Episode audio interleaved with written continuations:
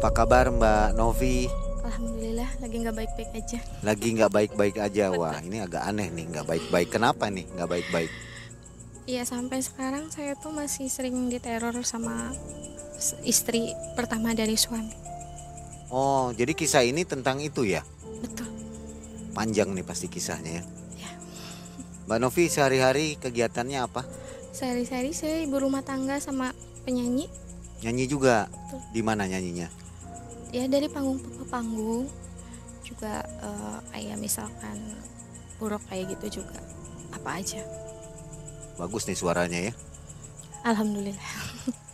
Boleh nyumbangin sedikit lagu Leng Lengser Wengi apa? jangan jangan yang itu. Bisa nyanyiin sepotong lagu? Bisa. Apa sedikit aja? Boleh. Coba ya.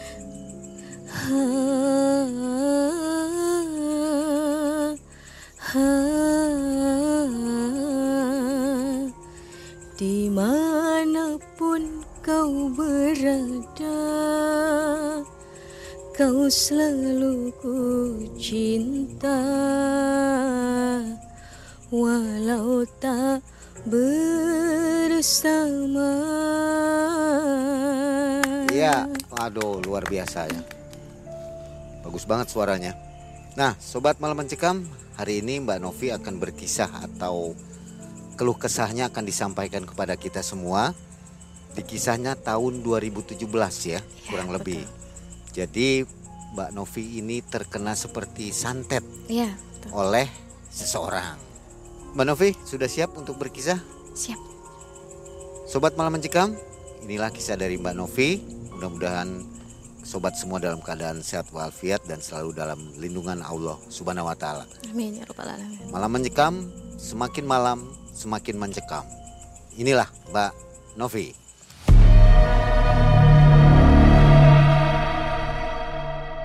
Jadi begini eh, ceritanya Mang. Awal mula saya terkena santet karena saya mengenal sosok pria. Waktu itu kenalnya juga di panggung. Dia seorang pemain keyboard. Pada awalnya saya tuh eh, nggak tahu dia punya istri. Dia juga nggak nggak bilang bahwa memang punya istri. Dia ngakunya seorang duda. Siapa namanya? Agung namanya. Ini saya nama samarkan samaran. ya, Oke. iya. Iya. Pas itu eh, berjalan sampai tiga bulan hubungan kami baik-baik aja. Setelah eh, kami manggung bareng, terus eh, yang namanya artis sama musisi kan kadang foto-foto kayak gitu ya, Mang. Ternyata ada salah satu komentar yang nggak sedep itu. Mencaci maki saya bilangnya kamu perebut suami orang. Segitu saya belum memang belum eh, menjalin hubungan sama si Agung tersebut saya nah, samarkan ya. Setelah itu saya pertanyakan sama Mas Agung tersebut "E, Mas apakah benar itu istrinya awalnya tuh nggak ngaku mang nggak ngaku jadi eh, saya kan lebih mungkin lebih percaya sama si Agung tersebut setelah satu bulan ada chat masuk ke WhatsApp saya. Ternyata eh, itu si istri pertama dari Agung tersebut. Pertama itu awalnya baik-baik. Neng, apakah kamu iya kasihnya Agung? Saya jawab iya karena memang saya jawab jujur. Saya nggak tahu karena memang Agungnya nggak jujur dari dulu sama saya. Oh ya udah gini kalau misalkan kamu mau dilanjut, ya nanti ya saya bertindak yang lebih aneh bilangnya tuh gitu kata saya tuh bertindak lebih aneh gimana maksudnya mbak iya saya akan mengirim kamu santet bilangnya tuh begitu hati-hati loh saya itu orang ponorogo saya bisa mematikan manusia bisa tidak menyentuh gitu. Eh, awalnya saya juga bilang ke si Agung tersebut kata saya tuh em, saya juga bilangnya waktu itu um ya punten belum bilang mas um eh, apa ini beneran tak istrinya? Kalau misalkan iya istrinya ya udah sama sayanya ja- jangan dilanjut. Saya nggak mau nggak mau ambil resiko besar dia tetap kekeh bahwa itu memang bukan istrinya. Sampai-sampai eh, keluarga saya juga dari pihak keluarga saya negur ke Agung. Terjadilah di situ pertengkaran. Setelah pertengkaran di situ satu bulan itu si Agung itu nggak istilahnya nggak main nggak ngapel lah gitu istilahnya.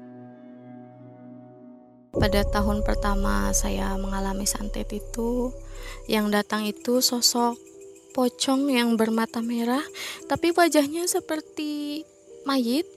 Di, di kepalanya itu ikatan kepalanya itu seperti kayak ada besi-besi tapi berbunyi. Kalau misalkan dia uh, melompat kayak gitu.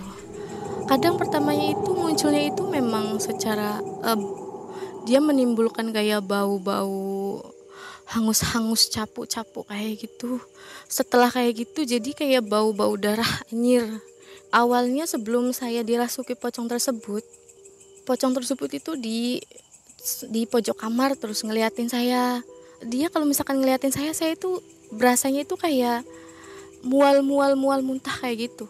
Awalnya kayak gitu aja mang. Lama kelamaan itu pocongnya itu merasuki saya. Saat mau masuk ke saya itu rasanya itu saya di ulu hati itu sakit mang. Sakit masuk terus tiba-tiba saya ke, kerasukan itu mungkin karena saking kesalnya kakak saya itu sampai dia itu marah-marah ke pocong tersebut. Sampai kamu siapa? bilangnya tuh kayak gitu. Kok kamu bisa-bisa gangguin adik saya? Ternyata pocong tersebut itu malah ketawa nantang bilangnya. Siapa kamu? Dibacain ayat suci Al-Quran dia juga nantang bilangnya saya juga bisa baca ayat suci Al-Quran dia ngomong gitu. Dia ngomong bahkan dia bisa keluarga dengar. Dengar. Pada saat itu kan malam kejadiannya itu pasti di atas jam 11 malam jadi keluarga juga bisa lihat penampakan itu? Bukan lihat penampakan jadi sosok tersebut itu masuk ke dalam raga saya.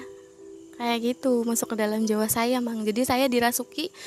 Pada saat itu saya dirasuki itu saya berasanya itu kayak seperti saya bisa melihat saya pada saat saya kerasukan tapi saya tidak bisa berbuat apa-apa seperti itu. Saya hanya jadi penonton saja pada saat saya kerasukan tersebut.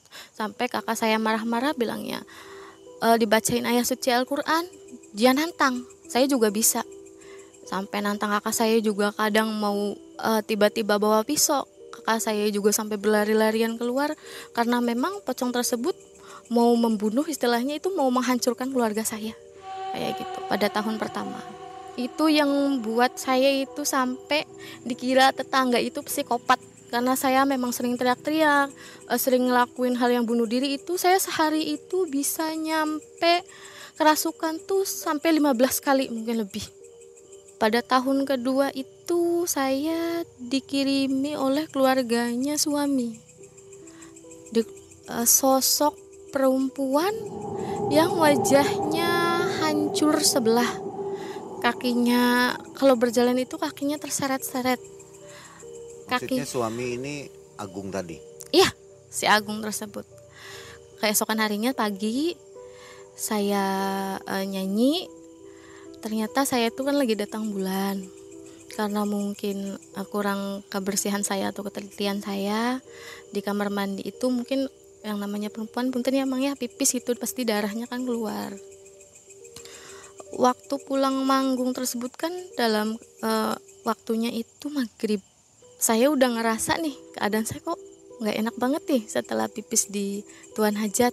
Saya tuh tuh saya tuh nggak enak banget pulang maghrib. Jadi saya sampai di rumah maghrib itu kayak setengah tidur. Saya ngerasanya tidur mang. Waktu pertama tuh saya kayak setengah tidur kayak sadar kayak gitu. Jadi sosok kunti putih tersebut itu dia berwujud di depan saya. Sambil dia kayak ngiwing-ngiwing punten ya mang ya.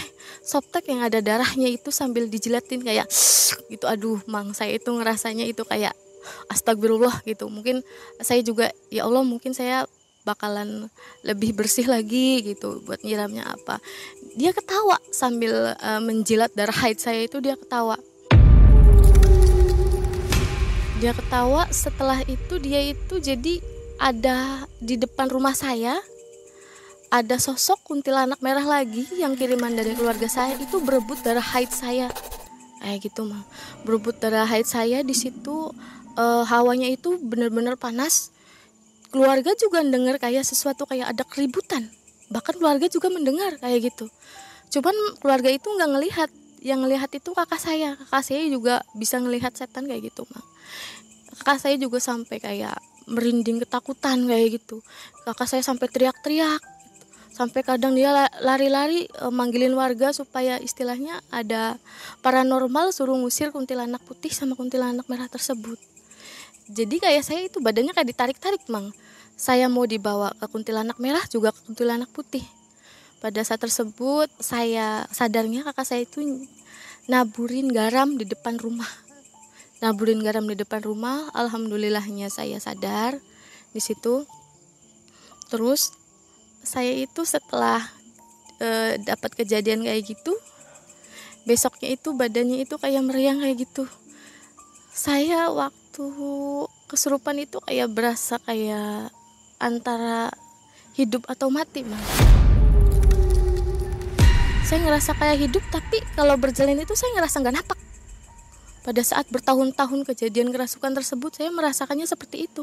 Saya saya jadi berhari-hari itu kadang kalau misalkan lagi duduk atau lagi di mana kadang teriak teteh mah itu di situ ada itu kayak gitu. Jadi keluarga itu keluarga saya itu paniknya tuh di situ. Sampai akhirnya mungkin badan drop mang masuk rumah sakit sampai ICU di situ sampai 15 hari ternyata diperiksa dokter saya nggak ada penyakit apa-apa dari situ keluarga saya tuh heran makanya keluarga saya tuh jadi pergi ke orang pintar Tuh, jadi saya itu pada tahun pertama itu pengobatannya itu di keraton kesepuhan. Bukan saya pribadi yang langsung sana, tapi kakak saya yang sana. E, kayak kakak saya juga kayak semacamnya bersmedi kayak gitu juga minta sesuatu bercerita juga ke kuncen kejadian adik saya kayak gitu.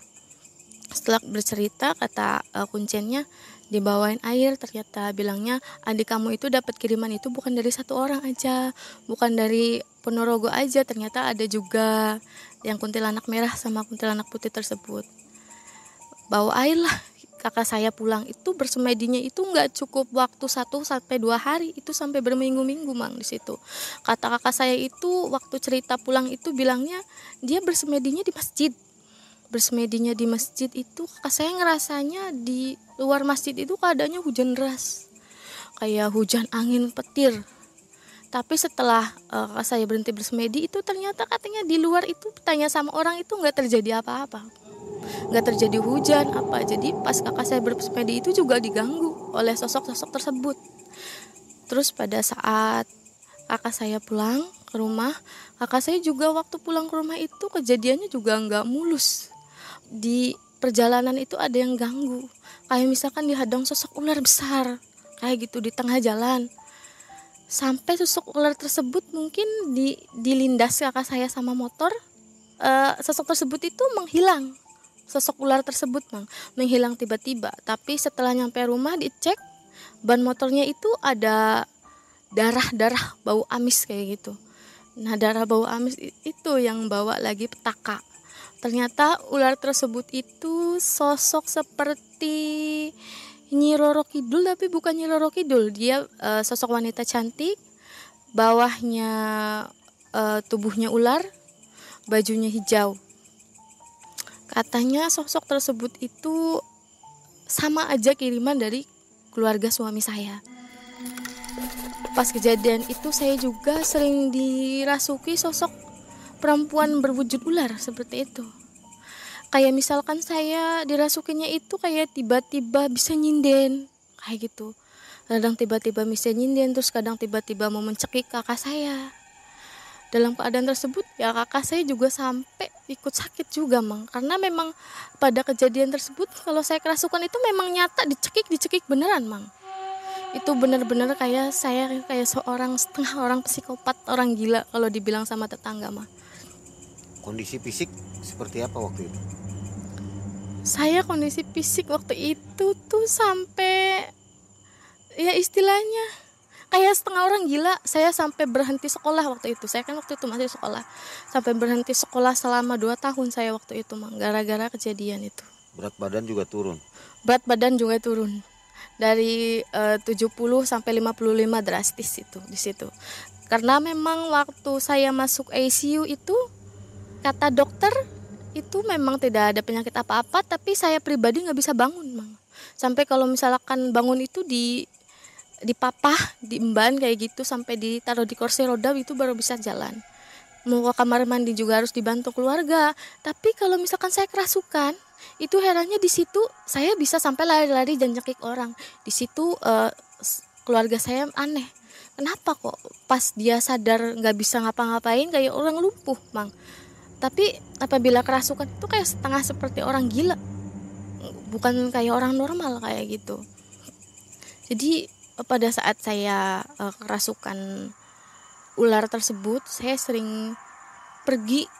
Entah itu saya dibawa entah ke mana. Pada saat itu saya ngerasa nggak tahu hilang ingatan aja. Kalau pada saat kerasukan putri ular tersebut saya hilang ingatan. Itu biasanya itu saya pergi itu sampai jauh banget mang. Sampai kadang keluarga juga bingung dari pagi nyampe subuh dari pagi lagi nyampe subuh lagi nyariin saya.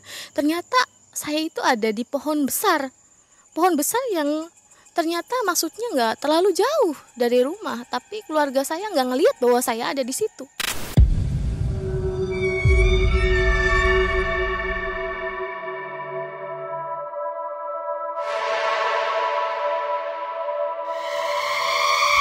Seperti itu mak. Kadang ngerinya itu di situnya. Jadi kadang saya berpikir ya Allah apa saya ini mau mati? Kadang saya kayak gitu. Kadang sugesti berpikir nih besok kamu bakal mati besok kamu bakal mati jadi udah. Jangan semangat hidup. Kadang walaupun ia memang kerasukan saya kadang bawa pisau sendiri.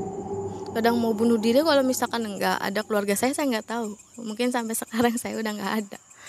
Alhamdulillahnya saya punya keluarganya yang alhamdulillah baik juga support saya. Cuman kalau buat si suami tersebut sampai sekarang keluarga saya juga nggak setuju. Setelah itu ya si Agung tersebut sama keluarga saya itu ya bertengkar, bertengkar hebat. Entah kenapa di sisi lain saya jadi ngerasa gimana ya? Ngerasa bu malah bukan benci sama dia, tapi malah ngerasa lebih ke saya kok kasihan gitu dia dituduh-tuduh terus karena saya ngerasanya si Agung tersebut memang nggak nggak bersalah gitu saya ngerasanya di situ apa yang membuat Mbak Novi tertarik sama Agung ini kalau dibilang tertarik enggak mang. Jadi saya tuh kayak berhutang budi sama dia.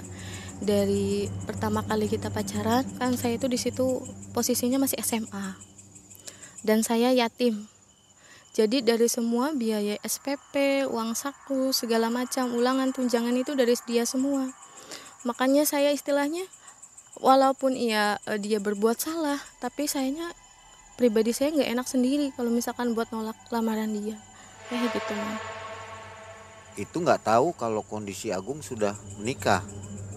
Sudah tahu itu waktu dilamar karena si Agung tersebut ngancem-ngancem saya bilangnya awas aja kalau misalnya kamu nggak nerima lamaran saya saya minta balikin semua uangnya.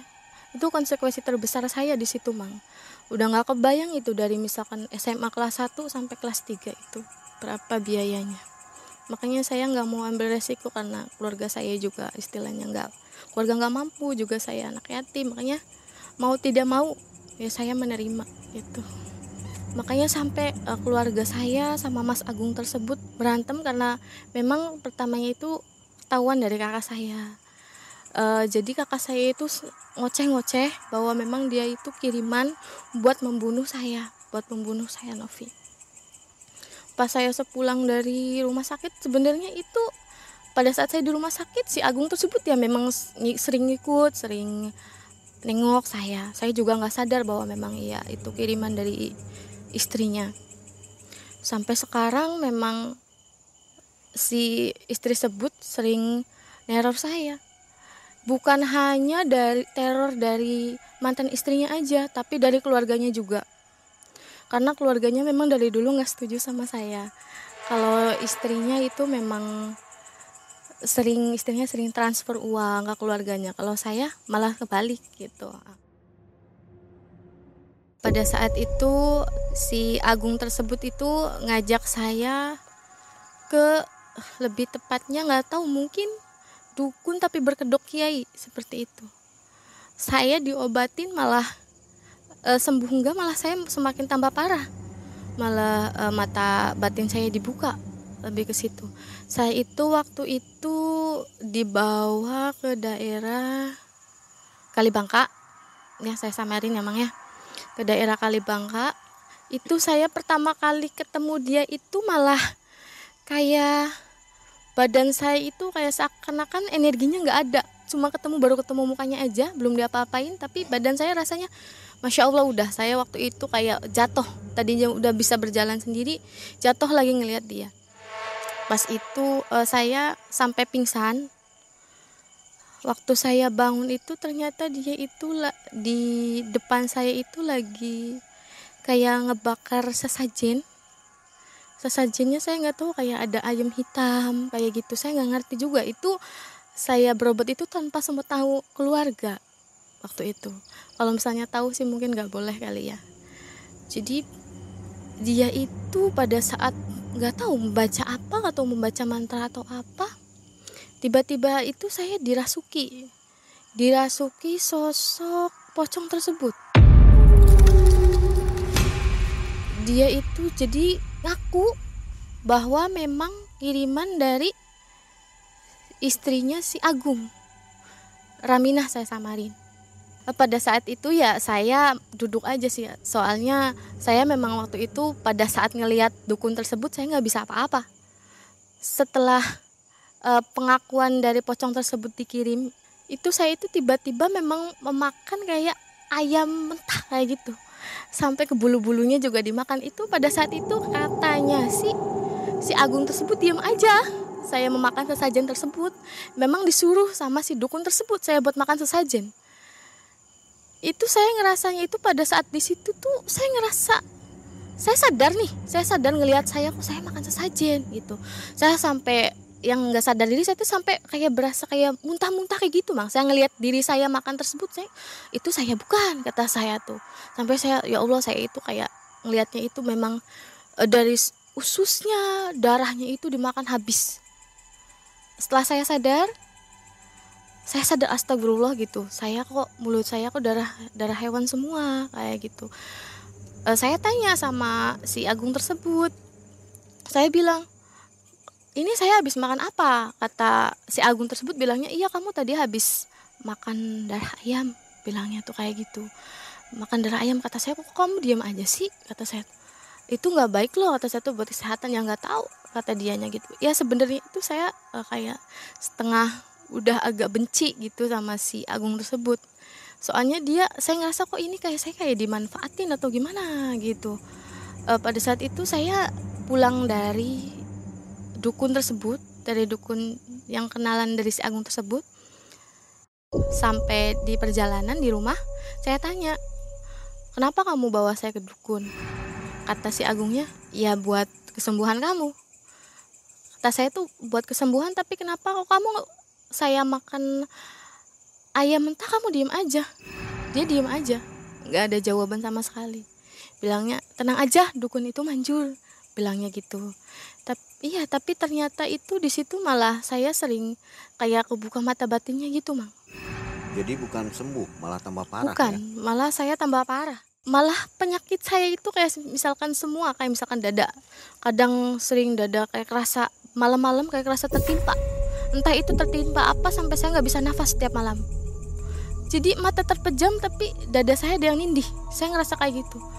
Sering banget kepala itu kalau tidur itu kayak ada megang kayak gitu. Tuh kerasanya itu masya allah nggak bisa diungkapin. Kayak panas-panas perih kayak gitu. Sampai saya tuh bilang ke si Agung tersebut kata saya tuh kok ini kenapa tambah parah? Kamu mau nyakitin saya apa mau saya lost kontak pada saat itu.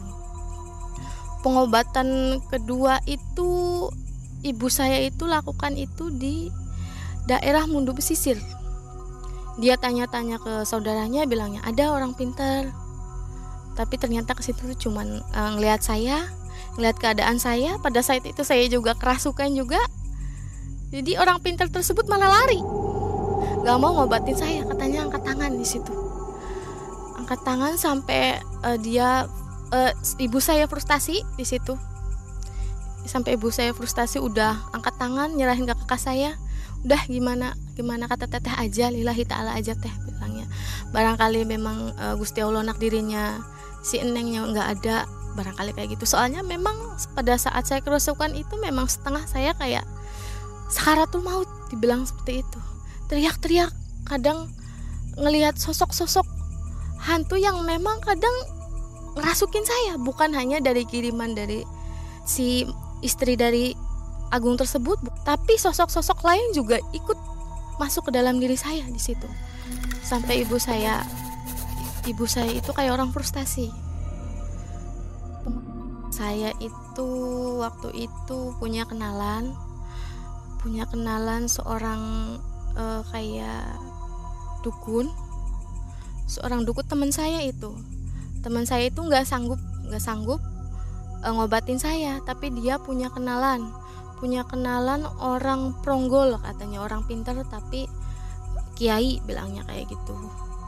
Saya dibawa ke rumahnya teman saya dulu di situ. Di situ uh, jadi teman saya itu di situ dia ngekos.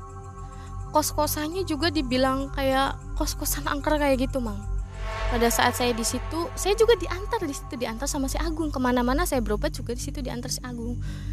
Saya ke situ ternyata di situ saya kerasukan lagi mang. Kerasukan sosok penunggu kos-kosan yang di belakang rumahnya dia.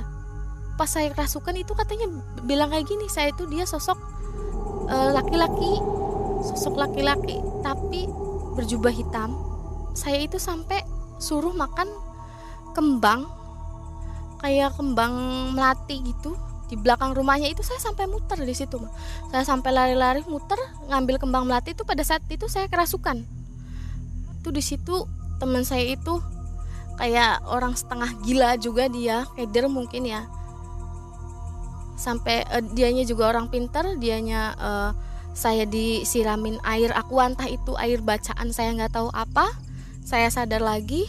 Situ teman saya juga sampai nangis di situ situ saya herannya uh, si Agung nangis enggak lihat keadaan saya tapi teman saya yang malah dia kasihan gitu. Saya di situ nyadar iya ya saya tuh kadang saya tuh salah pilih laki-laki. Teman saya aja sampai nangis kayak gitu ngeliat keadaan saya. Ya Allah katanya. Vi saya nggak tega kamu kayak gitu aja. Hari ini katanya malam ini juga kita harus ke kiai tersebut. Di perjalanan uh, baik-baik aja nyampe ke rumah kiai. Udah di udah di depan pintu. Itu saya tiba-tiba pingsan katanya. Tiba-tiba pingsan. Juga setelah sadar di dikasih minum lagi sama kiai setelah sadar itu pertamanya itu saya ditanyain dulu itu waktu itu. Ditanyain sama kiai tersebut katanya pertamanya e, kejadiannya kayak gimana? Terus setelah saya lagi bercerita nih saya lagi bercerita tentang sosok-sosok yang sering mengganggu saya. Pada saat itu sosok eh, kuntilanak putih itu masuk dalam diri saya. Dia itu pada saat, pada saat masuk itu dia kayak tertawa cekikikan. Kayak nantang kiai tersebut. Kamu punya ilmu apa? Mau ngeluarin saya dari tubuh anak ini? bilangnya kayak gitu. Saya udah disuruh sama keluarganya suami bilangnya kata setan tersebut itu suruh meneror si Novi bilangnya gitu. Sampai dia putus asa dan bunuh diri. Kata kata kiai tersebut bilangnya saya nggak punya ilmu apa-apa. Semua itu berasal dari Allah. Saya minta kamu tolong ngejauh dari Novi. Kasihan bilangnya kayak gitu. Masih muda e, masa depannya panjang jangan ganggu masa depannya dia bilangnya kayak gitu. Itu di situ itu katanya tuh saya ngelawan kiai. Mau mencekik dia. Untungnya di situ e, nggak e, jadi kejadian mencekiknya karena saya sadarnya itu jempol saya ditarik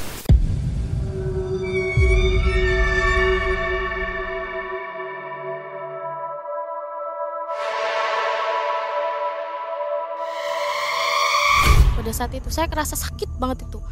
Bukan ngerasa sakit di jempol mang. Tapi kayak ngerasa sakit di ulu hati. Kayak ditarik sosok tersebut itu saya kayak ngerasa uh, raga saya juga ikut tertarik pada saat itu. Saya sampai baca istighfar juga saya ngerasain sesek juga. Uh, kata si kiai tersebut nih neng sosok yang kuntilanak itu udah masuk dalam botol. Bilangnya itu tinggal sosok pocong yang kiriman dari Ponorogo yang nggak bisa hilang dari kamu jadi sosok tersebut itu pada saat ada kiai itu dia nggak berani. Dia nggak berani masuk ke dalam raga saya. Tapi dia itu ngobrolnya itu sama kiainya langsung. Katanya bilangnya e, saya saya nggak mau nih katanya. Saya nggak mau lepas dari anak ini bilangnya gitu. Sebelum emang anak ini itu mati bilangnya kayak gitu. Saya sudah berjanji kepada tuan saya sebelum anak ini mati saya nggak bakalan lepas dari anak ini bilangnya kayak gitu dan sampai sekarang itu saya memang masih sering dihantui sosok itu. Kalau misalkan suami saya nggak ada di rumah sosok tersebut itu datang. Masuk ke dalam raga saya juga di situ saya juga panik bang. Kayak semacamnya itu saya ngerasa lagi saya ngerasa kerasukan lagi tapi masih bisa terkontrol pada saat di situ masih bisa terkontrol itu pada uh, udah udah di kiai itu pada saat itu satu bulan. Setelah kejadian di kiai saya masih satu bulan itu masih kerasukan. Sehari bisa sampai masih dua kali. Saya kerasukan saya berobat lagi datang lagi ke kiai tersebut bilangnya e, perjanjian. Malam-malam saya ke situ jam 11 itu saya tuh suruh entah itu saya dikasih air apa sama kiainya itu saya tertidur pulas jadi si kiai tersebut berdialog lagi dengan pocong tersebut. Katanya, "Kamu mau sampai kapan nih nyiksa anak ini?" bilangnya kayak gitu. Pocong tersebut bilangnya ya sampai anak tersebut itu meninggal, bilangnya kayak gitu. E, kata kiai tersebut, ya mungkin nggak tahu entah itu perlawanan apa atau perlawanan apa, si pocong tersebut menyerah. Menyerah tapi dia nggak mau hilang dari kehidupan saya. Hanya menjauh aja. Cuman dia tetap uh, datang sering datang kalau misalkan saya sering ngelamun kayak gitu. Jadi uh, kiai itu sering uh, bilang ke saya neng sering baca-baca Al-Quran aja supaya jangan ngelamun. Jadi diusahain mungkin kamu jangan jangan sampai ngelamun jangan sampai pikiran kamu kosong. Soalnya juga kasihan juga sama badan kamunya bilangnya kayak gitu. Apalagi saya sekarang udah punya anak dari si Agung tersebut. Sampai sekarang juga anak saya uh, sering bilang mah itu ah ah gitu masih sering mah itu di situ ada pocong gitu sampai saya ya Allah deh kok sampai turun-turun ke kamu gitu. Dia kasihan itu masih masih dua tahun kayak gitu. Sampai sering anak saya juga sekarang sakit-sakitan juga di situ mang. Entah itu jadi turun ke anak saya saya juga ya Allah saya tuh apa saya lepas aja dari suami? Saya ngelihatnya kasihan anak gitu. Kan ngancemnya itu si pocong tersebut kalau misalkan saya nggak ninggalin si Agung saya bakalan diteror seumur hidup saya sampai saya meninggal. Bilang kayak gitu. Jadi saya, sampai sekarang saya berpikir bakal saya lepas aja dari suami gitu kasihan anak saya tapi kadang saya masya Allah masa rumah tangga itu pengennya sih satu kali itu seumur hidup bang. Itu bisa jadi menikah dengan Agung gimana? Ya karena dia itu maksa tadinya saya tuh udah kejadian itu saya nggak mau gitu. Terus juga keluarga tuh kayak memang udah penterangan banget gak boleh bang. Nggak takut dengan ancaman istri tuanya? Nggak takut. Dia nggak takut. Udah gelap ya? Iya. Dia malah ngancam saya kalau misalkan kamu nggak mau sama saya balikin semua hartanya yang pernah dia kasih. Makanya sampai sekarang saya antara dilema atau gimana nggak tahu bang. Saya antara milih anak saya atau suami saya gimana? Ya saya dengar ceritanya jadi ikut sedih juga ya artinya penderitaan berkepanjangan ya. sampai dengan hari ini. Ya. jadi ber berjalan berapa tahun sampai sekarang pernikahan? Sampai sekarang itu lima tahun saya masih tetap diteror. Itu kasihannya itu entah itu kalau misalkan ke pribadi saya sih nggak tahu mang. Itu sampai ke anak saya sampai anak saya sakit kalau misalkan habis ngeliat itu. Dia jadi setiap malam itu anak saya itu kayak bukan anak normal. Jadi setiap jam itu dia pasti nangis nangis nangisnya itu bukan nangis kayak ngerasa dia sakit bukan. Tapi ngerasa dia takut. Kayak gitu kadang saya berpikir e, ya udahan aja tah kayak gitu. Udah jadi saudara aja. Soalnya saya berpikir gimana ke depannya dede gitu. Kalau saya pribadi sih nggak tahu di teror nggak tahu. Kalau dari Agung sendiri nggak melakukan santet atau enggak kalau kalau suami tuh enggak dia dia pure memang dia nggak punya apa-apa cuman mungkin kiriman dari istrinya. Tapi sekarang saya nggak tahu. Sampai uh, anak saya juga saya sempat ke bawah orang pintar bawa ke orang pintar juga. Katanya neng ini anak kamu tuh ada yang ganggu. Bilangnya tuh kayak gitu. Sampai sekarang ya? Iya sampai sekarang saya sempat bawa anak saya ke orang pintar karena memang anak saya itu kalau nangis itu nggak wajar mang. Itu sampai berjam-jam dia nangis tuh nggak berhenti berhenti saya sampai kasihan lihatnya mang saya saya saya takut kehilangan banget anak saya. Iya. makanya sampai sekarang tuh saya kadang berpikir sama suami udahan aja lah kasihan dede. Gitu tapi suami udah bilang lillahi ta'ala aja neng. Maut itu di tangan Allah bilangnya kayak gitu waktu menikah istri tuanya tahu? Tahu. Tahu. Itu tuh ya tapi nggak pernah melabrak ke rumah? Enggak karena posisinya dia itu lagi di luar negeri. Sekarang? Gitu. Iya, sampai sekarang? Sampai sekarang di luar negeri mungkin ada yang ingin disampaikan ke suami barangkali nonton. Saya, pengennya nggak tahu saya keder mang saya keder pengen ngomong apa. Susah ya menyampaikan. Susah buat disampaikannya.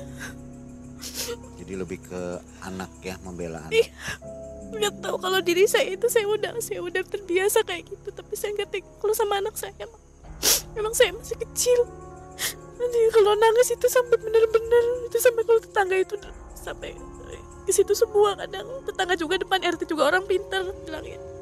Udah neng katanya kamu tuh daripada kayak gini aja. Udah kasihan anak kamu bilangnya gitu.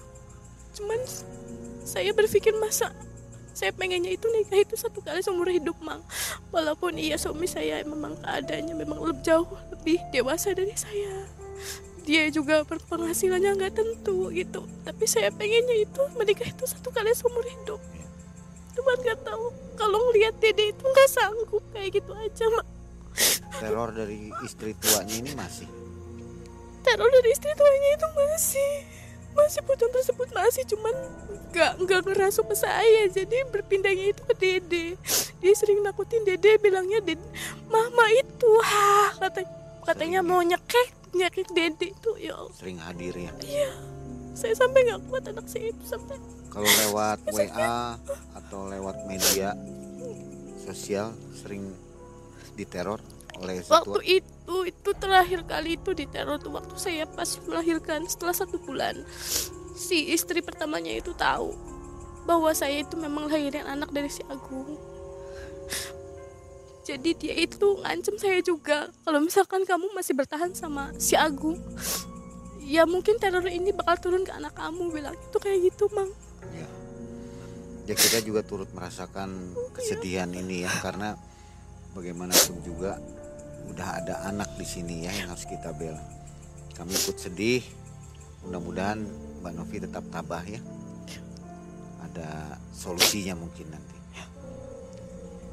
baik sobat malam mencekam akhir dari kisah ini sampai dengan hari ini Mbak Novi juga masih tetap dihantui tetap atau dihantui dikirim teror-teror dari istri tua ini. Dalam kasus ini mungkin sobat semua menyalahkan Mbak Novi ya, dianggap seperti pelakor ya. Ya. Tapi pada kenyataannya memang Oh, ini sulit ya, ada utang budi di situ ya. Baik, semoga kisah ini menjadi pelajaran untuk kita semua, pelajaran untuk Anda, untuk saya juga ya. Jangan sampai masuk kepada hal yang di luar dugaan. Jadi pesan dari malam mencekam dari Manggai mungkin lebih tingkatkan keimanan ya dan ketakwaan kita kepada Allah Subhanahu wa taala. Terima kasih Mbak Novi, mudah-mudahan masalah cepat selesai. amin ya. Terima kasih atas kisahnya. Kita bisa jumpa lagi di kesempatan yang lain ya untuk Mbak Novi mungkin ingin menyampaikan kisah yang selanjutnya nantinya. Akhir kata, saya Mangai